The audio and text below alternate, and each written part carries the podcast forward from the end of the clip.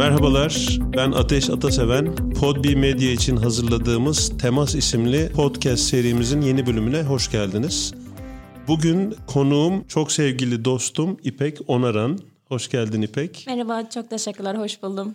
İpek'le potansiyel ve performans üzerine birazcık sohbet etmeye çalışacağız. Ana çerçevesini bir parça oluşturmak istiyorum aslında konunun. Sonra sana hızlıca hemen söz vereceğim. Potansiyel deyince bir abimden öğrendiğim bir şey geliyor benim aklıma. Cevher taş demekmiş. Cevherin başına mü eklersen birden mücevher oluyor ve kıymetli taş anlamına geliyor. Potansiyel de böyle bir başına mü eklenmesi gereken, açığa çıkması gereken açığa çıkmadığında da performansa hizmet etmeyen bir şey gibi geliyor bana. Yani şöyle diyebiliriz. Mesela senin herhangi bir müzik aleti çalmaya müthiş bir yeteneğin var. Fakat hiç dokunmuyorsun ya da uygun şekilde dokunmuyorsun. O zaman o potansiyeli biz göremediğimiz için Aa, ne kadar potansiyeli, kabiliyeti var diyemiyoruz bile. Bunu öğretmenler olarak çok kullanıyoruz. Potansiyeli var ama çalışmıyor. Potansiyel. ben bunu çocukluğumdan beri çok duydum biliyor musun? O öğretmenler sizsiniz demek. 10 öğrencinin 9'una söylüyoruz Söylüyor bunu. musun? Bana hep şöyle diyorlardı veli toplantılarında anneme babama diyorlardı yani ya yapsa zehir gibi çocuk ama yok. O benim işte. o benim işte şimdi ortaya çıkıyor. Peki bir parça seni tanıyalım mı? Öğretmenliğinden nereden nasıl başlamak istersen? Tabii ki ben İpek Onara, triatletim. Aynı zamanda tam zamanlı çalışan bir matematik öğretmeniyim. Ee, şimdi matematik öğretmenleri minik tatlı bir ara verdim. Bebek bekliyorum o yüzden. Ama hani sonrası için farklı planlar da olabilir. Şimdilik bakacağız. Ama hani profesyonel olarak triatlon sporuyla da ilgileniyorum. Süper. Bir de şeyi söyleyelim mi? Bence bizim için kıymetli bir şey bu yani. Nerelisin sen? Doğma büyüme Karşıyaka. Ya bak bu o kadar önemli bir şey ki bunu gönül rahatlığıyla sorabiliyorum. Ee, böyle 35,5-35 falan gibi bir ayrım yapacak değilim ama karşı yakalılıkla da gurur duyuyoruz yani. Ee, yani şöyle bir şey var. Mesela benim dedemin hiçbir fanatikliği yoktur. Karşıyakalı o da doğma büyüme. Ama Alsancak'a gideceği zaman şey diyor işte İzmir'e gidiyorum diyor. Evet. E dede sen neredesin? İzmir'deyim ama öyle olmuyor yani. Hani Karşıyaka dışı gerçekten İzmir. Karşıyaka bir, bir ayrı bir şeyi var. Evet eskiler şey diyorlarmış Karşıyaka'da oturanlar hani bugün İzmir'e indik. Aynen aynen. İşte bir Gerçekten alışveriş öyle. yaptık Hı hı. falan gibi. O Kesinlikle aradaki öyle. deniz herhalde onu şimdi birleşti. Değiştiriyor. yani. Her şey değişiyor Doğru. Peki bunun altını bir çizmek istedik. İnsan karşı yakalı birini bulduğunda doğru. böyle bir şey. Hele. Evet, hafif bir şımarıklık yapısı geliyor yani. Matematik öğretmenliğine nasıl karar verdin? Onu hiç konuşmadık seninle Ee, daha evet önce. hiç konuşmamıştık. Ben liseyi İzmir'de Atatürk Lisesi'nde okudum. Yani Burada da ismini- durayım mı? Burada da duralım lütfen. Çünkü ismini söylemekten gerçekten büyük gurur duyduğum bir okul.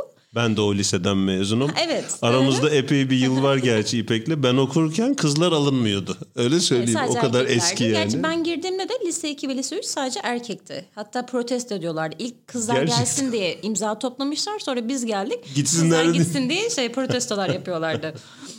Onlar da yok diyedir o tabii kıskançlık. tabii aynen aynen. Peki de- nasıl seçtin matematik Ee, öğretmenliğini? lisede benim bir matematik öğretmenim vardı ve ben trigonometri konusuna gerçekten aşık olmuştum. Yani aslında normalde kimsenin sevmediği bir konudur. Benim çok ilgimi çekmişti.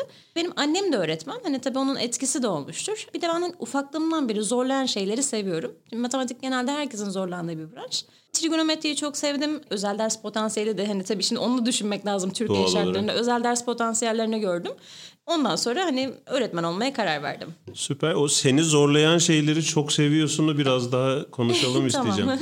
Yani seni zorlayan şeyler konusunda çok küçüklüğünden beri mi isteklisin yoksa bu böyle sonradan geriye dönüp baktığında aa ben böyleymişim şimdi fark ediyorum gibi bir şey mi? E, yani küçüklüğümden beri istekliymişim ama şu an anlıyorum. İşte yaptığım mesafeleri söyleyince sporda bu kadar şeyi nasıl yaptığını sorduklarında sen niye yapamıyorsun ki diye cevap veriyorum. Çünkü ben çünkü o disiplinde büyüdüğüm için hani bana her şey çok normal geliyor. Ama mesela arabayı paralel park etmek desem Allah nasıl park edeceğim diye hani aslında uçlarda yaşıyorum birazcık o konuda. Ama otopark yani şimdi cinsiyetçi bir laf etmeyeyim ama kadınlar ve otopark konusu yani arabayı park etme konusu. Hala çözemedim o işi. Değil mi? O birazcık dertli bir şey ama çok iyi park eden kadınlar var ben Var, var, tanıyorum. evet. Başta benim eşim mesela süper Aa, kullanır süper. arabayı vallahi. Şimdi sporla alakalı konuyu soracağım. Kaç yaşında ilk defa spor yapmaya başladın? Ben ilk önce 6 yaşımda ailemin yönlendirmesiyle yüzmeye başladım. Sonra 11 yaşında kendisi de triatlet olan antrenörümün Okan Ulaş'ın yönlendirmesiyle triatlon branşına geçtim. 11 yaşında başladın. 11 yaşında hatta 11 yaşında başladığımda bizim daha Türkiye'de federasyonumuz yoktu. Bisiklet ve federasyon ikisi beraberdi ve hani yarışlarımızda artık böyle üzerime iddiaya giriyorlardı. Bitirir bitiremez diye. Çünkü çok ufak yaşlarda başladım. Ama hani iyi ki olmuş çünkü hani ben şey diyorum İzmir'de bir cam fanus içinde büyümüşüm. Biz hani hep böyle kardeş gibi büyüdük. Paylaşmayı öğrendik, mütevazı olmayı orada bize öğrettiler. Hani abilere saygı duymayı, ablalara saygı duymayı öğrettiler. O yüzden gerçekten hani çok şanslı bir çocukluk geçirdim diyebilirim. 11 yaş çok aslında triatlon gibi dayanıklılık Çok spor erken, için evet. çok erken. Çok erken. Fakat şimdi yayılıyor galiba değil mi bu? Ee, şu anın iğmesi çok hızlı bir şekilde artıyor. Yani ben eski dönemde hani federasyon da zaten çok yeniydi. Hani yapılanları hani bir kitap yazsam yapılabilir. Yani gerçekten yazılabilir. O döneme göre şu anki nesil çok çok şanslı. Ama daha hala yolumuz var ama şu an gerçekten çok güzel işler yapılıyor federasyon adına da. Süper. Peki triatlona ilk başladığında yüzme altyapın olduğu için herhalde yüzmeye kolay adapte oldun. Birazcık daha şanslıydım ama hiçbir zaman ben böyle iyi bir yüzücüydüm diyemem. Yani bizde şey vardı yüzmede baraj yarışları vardı. Mesela barajları hiçbir zaman geçemedim. Ama hep böyle bir istikrara orta derecede yüzmeye devam etmiştim. Onun da büyük faydasını tabii gördüm. Yarışlarda görüyorsun. Evet. Şimdi senin abin de benim de sevgili koçum kulakları da çınlasın buradan. Za- zalim antrenör. evet.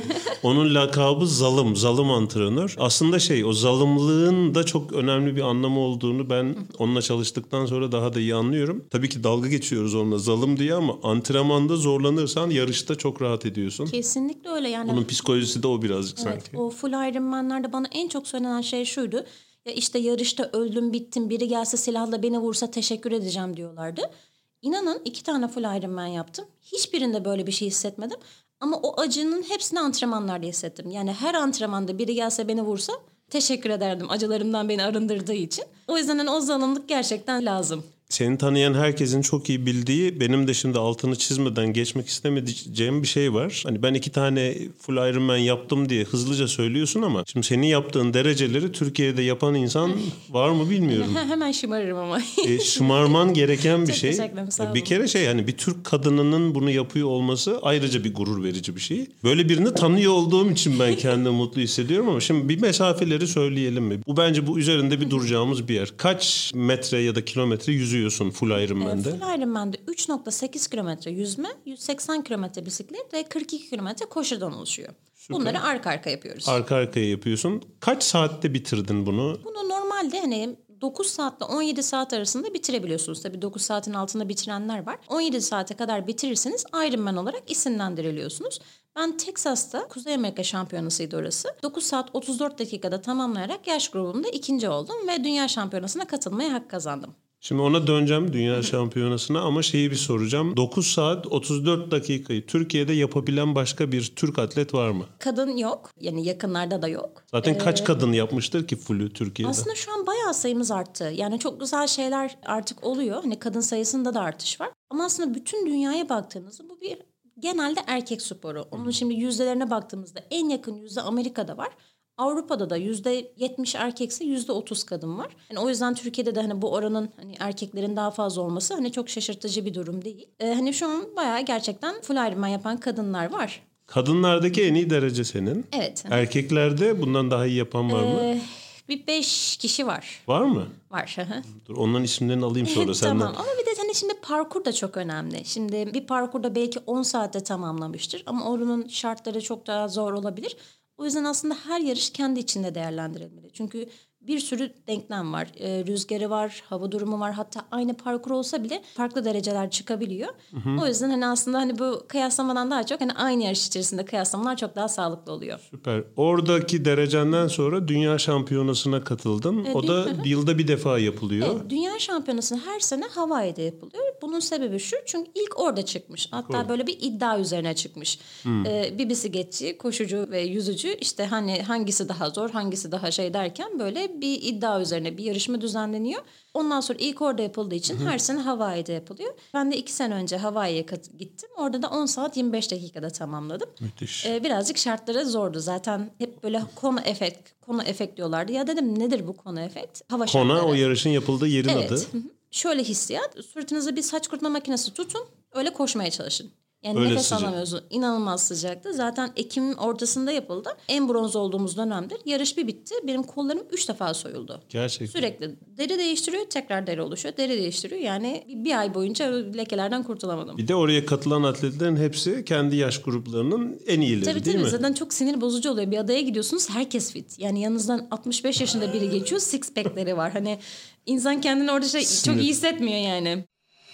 Peki şimdi konumuzun içine doğru birazcık daha şey yapalım. Burada senin belki de öğretmenlikle alakalı deneyimlerin de yardımcı olacaktır bu sohbete. Şimdi bir kere böyle zor bir branşla uğraşıyorsun. Zorluklarla baş etmeyi seviyorumu çok küçük yaşlardan beri yaşıyorum falan da dedin ama sendeki bu potansiyel nasıl açığa çıktı sence? Ben bu konuda şanslıyım.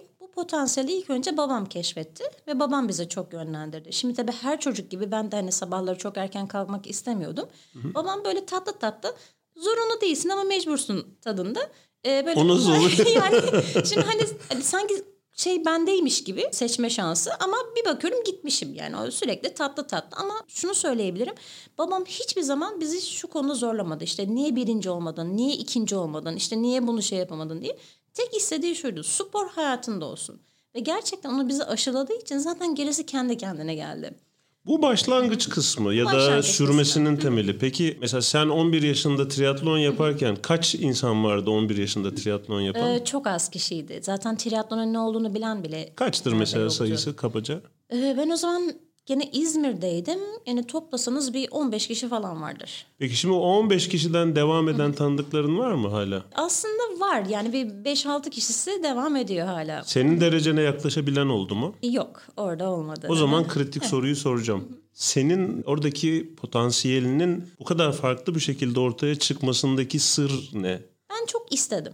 Yani hep şeyi hayal ettim. İşte o kürsüdeki durumunu hayal ettim. Çok istedim. İstediğim için çok çalıştım. Yani dışarıdan bakıldığında aslında bir mucize yaratıyormuşuz gibi görünüyor. Keşke öyle bir şey olsa ama öyle bir şey yok. Bu gerçekten disiplinli, planlı, gerçek bir zamana yayılmış bir programla ilerlemeyle başarılabilecek bir şey. Ben bunu yapmayı çok istediğim için bunların hepsini uyguladım. O yüzden sonuçta olumlu oldu. Bence çok önemli bir laf ediyorsun. Yani çok istedim lafı çok önemli. Bunu bir deşmek lazım. Bu sanki bir sürü kapıyı açan kilit gibi. Öyle ve hani şey çok acayip. E, vücut ne verirsiniz yapıyor. Yeter ki zihin onu onaylasın. Mesela çalıştığım okulda ben kesinlikle spor muhabbeti yapmıyorum. Çünkü iş ayrı bir şey, spor ayrı bir şey. Hani ikisinin birbirini beslediği çok noktalar var ama hani bunu daha Türkiye'de yine görülebilmesi çok zor olduğu için ben şey e, genelde sessiz duruyorum ama sosyal medyada tabii görüyorlar bildikleri için. Şimdi bir gün okulda konuşuyorduk bir öğretmen arkadaşımla işte sürekli böyle şikayet etti. İşte burada bizim okulda yüzme havuzu var. Ben sabahları gidip yüzüyorum ve tek başıma yüzüyorum koskoca havuzda. Yani hiç kimse kullanmıyor orayı. Ee, bir öğretmen arkadaşım sürekli şey dedi işte sen ne kadar güzel spor yapıyorsun şöyle yapıyorsun işte zamanımız yok bilmem ne falan filan. Artık o gün nasıl doluysam dinledim dinledim dinledim. Ya dedim öğretmenim yarım saat erken kalksanız trafiğe girmeyeceksiniz. Okula erken geleceksiniz. Okulda havuz var. Ve hani yüzme şansınız var. Hani niye yapmıyorsunuz? Hiçbir bahane yok yani. Evet cevabı şu oldu. Saçımı nasıl kurutacağım dedi. Bu arada okulda saç kurutma makinesi var, havlu var, her şey var. Yani hani duş muş hani her türlü hizmet var. Takıldığım nokta bu. Saçımı nasıl kurutacağım? Ve bu çok basit bir örnek ama inanın %95 kişi bunu yaşıyor. Yani çok basit bir şeyde takılıyorlar. Yani çok istemediğimizde bahane bulmak kolay oluyor. Kesinlikle, Öyle mi? kesinlikle öyle. Şimdi çok istemek demek ama bir yandan onun acısını da mı istemek demek? E tabii o paket halinde hepsi birlikte bir geliyor tek sizde. kürsüyü istemek demek değil yani. Yani ona göre hani şimdi ben tatlı yemeyi çok severim ama Ben artık de. dereceleri bir noktaya getirmek istiyorsam diyorum ki tatlıyı ben bir kenara koyuyorum. Çünkü ben bunu bir dakika daha ilerletmek istiyorum. Zaten bu kadar acı çekmenizin sebebi bir dakika daha ilerletmek. Ben bu kadar acınız çekme sebebim bir dakika daha ileri gitmek olduğunun cevabını evet dediğim zaman ve bunu kendime söylemem lazım. İnanın başka sonra hiçbir şey Seçiyorsun görmüyorsunuz. onu. Çünkü etrafı dinlerseniz hani o sizi bayağı yanıltabiliyor. Doğru. Yanıtlarını veriyorsun aslında ama ben birazcık daha net olsun diye böyle benim de içim rahat etsin diye de soracağım aslında. Şimdi yeni bir şeyi deneyimlerken mesela hiç katılmadığım bir yarış olabilir. Daha önceden hiç yapmadığım bir ne bileyim antrenman şekli olabilir. Bir sürü yenilik olabilir yani. Yeni bir şeyi deneyimlerken, yeniye temas ederken acaba yapamaz mıyım, acaba olamaz mı falan diye böyle içinden kaygıların sesinin geçtiği oluyor mu? Çok. Yani yeni bir yarış, yeni bir deneyimse hatta belki bildiğim bir yarış bile ise start noktasında bir daha bunu yapmayacağım yeter artık çok yoruldum istemiyorum da başlıyorum finish noktasında e hadi bundan sonra ne yapıyoruz'a dönüyor. Yani bu çok normal ve e, insani bir duygu. Peki tam o kaygıyı yoğun yaşadığın anı bir düşünecek olursak nasıl baş ediyorsun o kaygıyla o sırada? Yani hadi iyi nasıl söylüyorsun sonra? Şöyle yapıyorum. Yani diyorum ki bu kadar antrenmanı ben pes etmek için yapmadım. Şimdi nasıl kasın bir hafızası varsa inanın beynin de bir hafızası var. Ve o acı eşiğine geldiğinizde pes ederseniz kendinizi bir daha o acı eşiğine taşıyamıyorsunuz. Ben bunun çok deneyimlerini yaşadığım için zaten TEDx'te bir konuşma yapmıştım. Kaybetmenin zaferi adında. Ee, hani ismi de o hani kaybetmenin zaferi. Yani bu noktaya gelirken o kadar çok kaybettim, o kadar çok rezil oldum ki hep bunları düşünüyorum. Sosyal kanallarda var değil Evet, mi? YouTube'da da tamam, var, Onun TEDx'te. açıklamalar bölümüne linkini de ekleyelim o zaman. Ee, bu kaydı dinleyenler belki merak ederler. Ben dinlemiştim. o kaydını epey zaman oldu. Ben de bir Evet, kere daha tamam. dinleyeceğim. Onu şey e, veliler çok dinletiyor öğrenci şey çocuklarını. Çünkü orada şeyi çok anlatıyorum işte bir kere etraf sürekli şey işte yapamazsın edemezsin. Bu kadar çok antrenman yaparsa Anadolu Lisesi'ni kazanmaz. Kazandım. Bu kadar çok antrenman yaparsa üniversiteye girmez. Sürekli böyle bir olumsuz şeyler var. Ama ve hani o süreçte ben mesela o kadar çok sonuncu oldum ki hatta bir yarışta sonuncu oldum. Birinci olan giyinip memleketine gitmişti. Yani o, o kadar hani sonuncu olmuştu. Ama eve geliyordum. İşte hani tabii ki de üzülmüşüm. O yaşta hani şey yapamıyorsunuz çok e, duygularla baş edemiyorsunuz. Baba ben sonuncu oldum. Böyle bakıyorum çantamı hazırlamış tekrardan. İşte antrenmana işte yarın gidersin. E sonuncu oldum. Önemli değil. Denedim mi? Keyif aldım mı? Gerisi hiç önemli değil. E, kaybetmek çok normal ve doğal bir şey ve hani aslında iyi bir şey. E, bunların üstüne inşa etmek çok çok daha kolay oluyor. İşte o büyüdüğün ekosistemin buna nasıl reaksiyon verdiği. Mesela Evet. düşünsene tam tersi olduğunu. Nasıl kaybedersin olur mu falan dense Aynen bir öyle. daha canın aynen yarışmak öyle. istemeyecek Ee, belki. benim şimdi öğretmen olduğum için o kadar çok bunun örneğini görüyorum ki yani 10 yaşındaki 11 yaşındaki çocuklar e, sinir krizine giriyor. Yani ben diyorum ki neyin krizine giriyorsun? 10 yaşındasın hani. ne- 10-11 yaşında Ee, sinir krizi geçiriyorlar. Kabullenemiyorlar. En önemli şey o. Hani çocuğun onu da bilmesi lazım. Kaybettiği zaman hepsi çıldırıyor, şey yapamıyorlar. Evdeki yaşadığı baskıları biliyorum. Birinci olacaksın, işte Ayşe'ye geçeceksin, Mehmet'e geçilmeyeceksin şeklinde.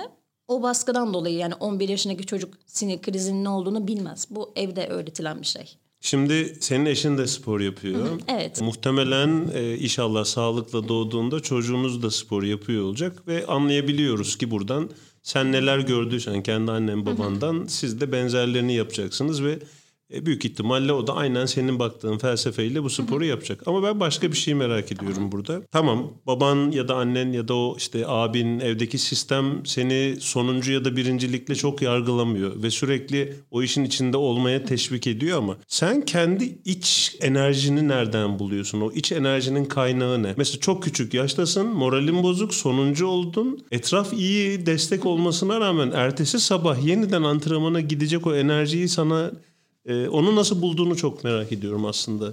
Hiç düşündün mü bunu bilmiyorum ama. Yani düşündüğümü söyleyemem ama gene hani aynı cevabı verebilirim. Hani çok istiyordum. Gerçekten ben o daha ufakken bile e, bu Ironman yarışlarını izleyip oradaki videolarımız vardı çok çok çok eskiden. Onları izleyip motive ederdim kendimi. Ve hani hep kendimi 5 sene sonrasını hayal ederdim. Zaten bu gerçekten plan işi. Biz bu dünya şampiyonasına hazırlanmadan önce 5 sene önce hedefi koymuştuk. Hatta 5 sene önce bana herkes şey diyordu işte İpek niye full Ironman yapmıyorsun? Yapılabilirdim öyle bir gücüm vardı ama e, yeri ve zamanı değildi ve zaten dizlerimiz yaşlılıkta da lazım olacak. Her şeye böyle adım adım gitmek lazım. O yüzden şimdi bana çok soruyorlar işte ben yeni başlamış full yapacağım, half yapacağım. Ya diyorum daha acelesi yok. Hani zamanla yavaş yavaş sindire sindire o basak, basamakları teker teker çıkmak lazım. Ee, hani ufakken de benim motivasyonum o kırılma anında hep kürsüyü hayal ederdim. O şekilde tekrar kendimi motive ediyordum. Şimdi aslında çok istemek dedin ama altında da başka başka bir sürü şeyler de söyledin. Mesela planlamanın öneminden bahsettin. O inanılmaz önemli. Sabrın öneminden bahsettin. Tabii, Değil mi? tabii. Aceleci olmamanın şey derler ya dağcılıkta bir laf var. Hani yavaş yavaş acele Tabii, etmek. tabii. Yani sen yıllar evvel de bu e, yaptığın dereceyi belki yapabilirdin. Belki o yarışmada gene o istediğini yapardın ama acele etmedin. Daha dedin Evet. erken. Mesela bu da çok bir öz denetim var orada. Var evet. Onu nasıl yapabiliyorsun? Yani farkındalığını bu şekilde nasıl yukarıda tutabiliyorsun? E, bunu çok ufak yaşta bu disiplinlerle başladığım için hani ister istemez mesela zaman yönetimi. Hani ben o benim geliştirmem gereken bir konu gibi şey yapmadım. Zaten ufak yaşta başlayınca o bana bir paket olarak geldi. Mesela bunu öğrencilerimde çok görüyorum. Herhangi bir sporla, sanatla uğraşan öğrencilerin zaman yönetimi inanılmaz iyi oluyor. Ve ben bunu velilerine çok paylaşıyorum. Çünkü kesirler her zaman öğrenilir. Üç gün sonra öğrenir, bir ay sonra öğrenir, bir sene sonra öğrenir, öğrenir. Ama zaman yönetimi varsa çocukta her şeyde başarılı oluyor. Ve bunu bazen şöyle şeyler geliyor. İşte ya e, sınav var, öğretmenim şey deplasmana denk geldi, işte gitmesinle. Diyorum ki gitsin. Çünkü ben o deplasmanda öğreneceği şeyleri derste ona anlatamam. Hmm. Ben ona eksiklerini illa tamamlarız bir şekilde. Hani birebir yaparız, şey yaparız.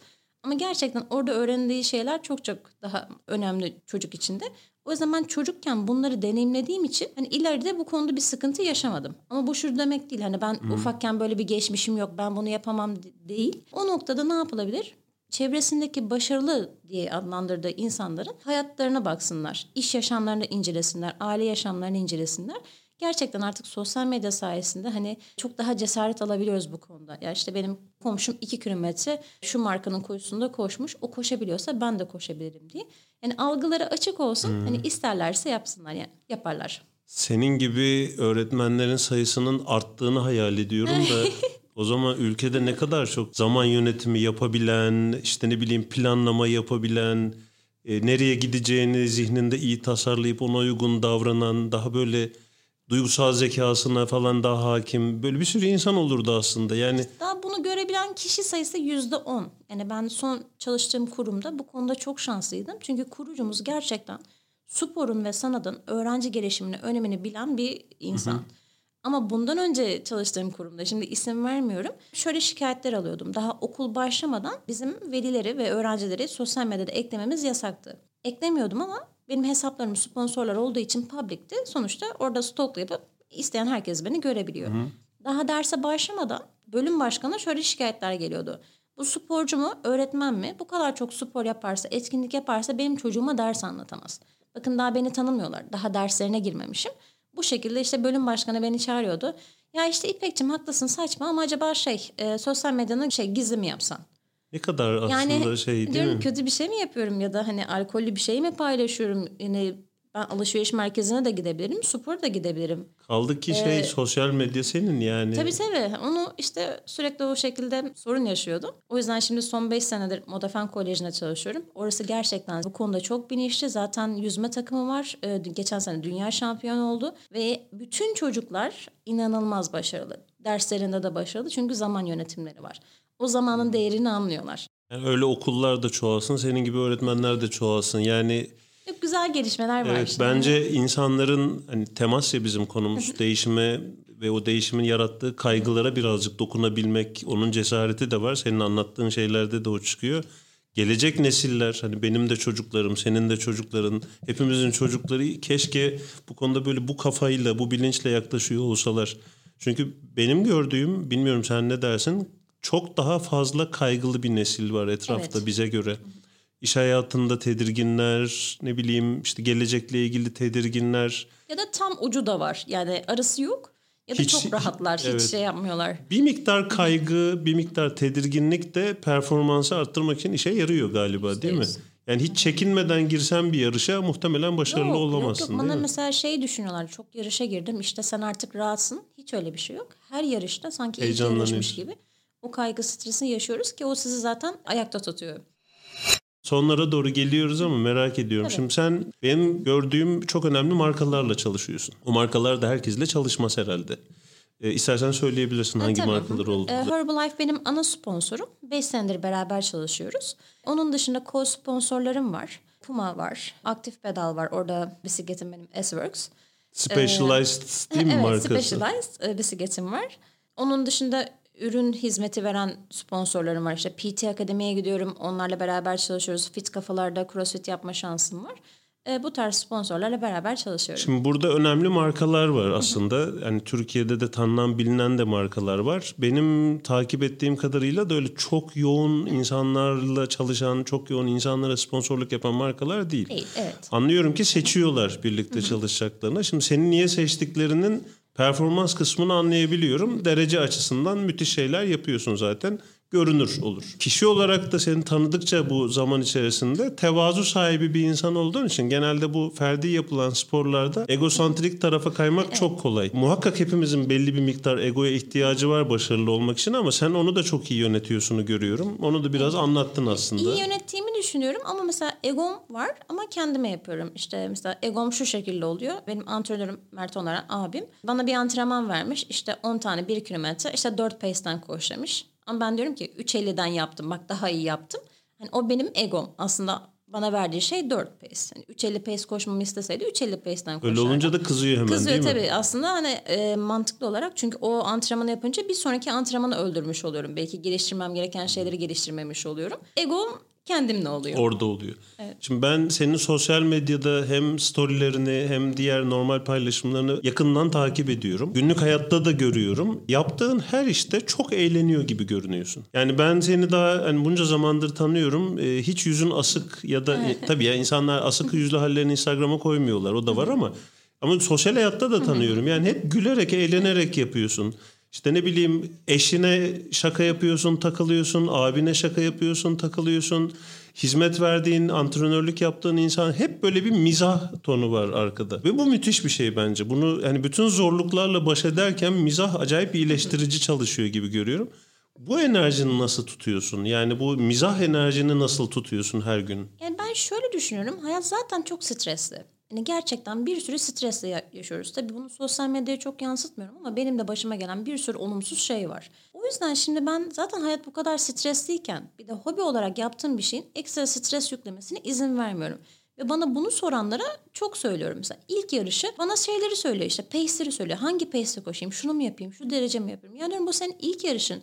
İnsanlara el salla, gülücük at, öpücük at, şey yap falan böyle şaşırıyor, bozuluyorlar. İşte beni ciddiye almadı, niye böyle yapıyor diye. Ama gerçekten şey değil. Hani o stresi ne kadar minimumda tutarsanız zaten o kadar sağlıklı bir şekilde ilerliyorsunuz. Ben şöyle bir kafamda toparlayayım. Planlamadan bahsettik. Önemli. Anne babanın rol modelliğinden ve Aa, teşviğinden evet, bahsettik. Önemli. Çok önemli. Bir yandan işte olaylara o planlamanın içinde sabırla yaklaşmanın öneminden bahsettik. Sanki biraz ağaç yaşken eğilir laflarımızda oldu değil mi? Çocukken başladığımız işlerde. O çok önemli ama hani bunu küçükken yaşayamayanlar için hani bu olumsuz bir şey olmasın. Evet. Her noktada her şekilde her şey yapılabiliyor. Yani vücut inanılmaz bir şey. Yapamam dediğim her şeyi her şeyi yaptım. Bu arada e, demin çok güzel dediniz. Şimdi sosyal medyaya çok böyle olumsuz şeyler koymuyoruz. Yani yaşadığım mesela bir sürü olumsuz şey var. Bir kere bahane şu. İşte yurt dışında herkesin çok iyi imkanları var, şunlar var, bunlar var. Hani tamam Türkiye daha iyi ama gelişmesi gereken çok nokta var. Şimdi benim iki tane seçeneğim var. Şöyle diyebilirim. Ya işte yurt dışında şunlar oluyor, bunlar oluyor, haksızlık deyip çekilebilirim. Ya da bütün olumsuz düşünceleri bir kenara bırakıp elimde ne varsa bunu nasıl pozitife döndürebileceğime odaklanırsam yoluma bakarım. Yani ben bu noktada bunu çok iyi yaptığımı düşünüyorum. Hani fark biri biraz da bunu oluyor. Çünkü olumsuz düşünmek için etrafınıza baktığınızda milyon tane şey var. Aslında bunu da en son laf olarak da bunu en başta söylemiştin zaten. Ben çok istedim demiştin. Sanırım sen çok istediğin için ya da biz çok istersek çok daha kaliteli temas edebileceğiz sanki. E, çok klişe bir laf ama gerçekten hani istemekle başlıyor. Yani hayal etmek ve istemekle. Süper. İpek iyi ki geldin. Ben çok teşekkür ederim. Ağzına çok sağlık, benim için. Ayağına sağlık. Hotbee Medya için hazırladığımız temasın bir bölümünün daha sonuna geldik. Yakın zamanda yeni bölümlerle tekrar bir arada olmak üzere.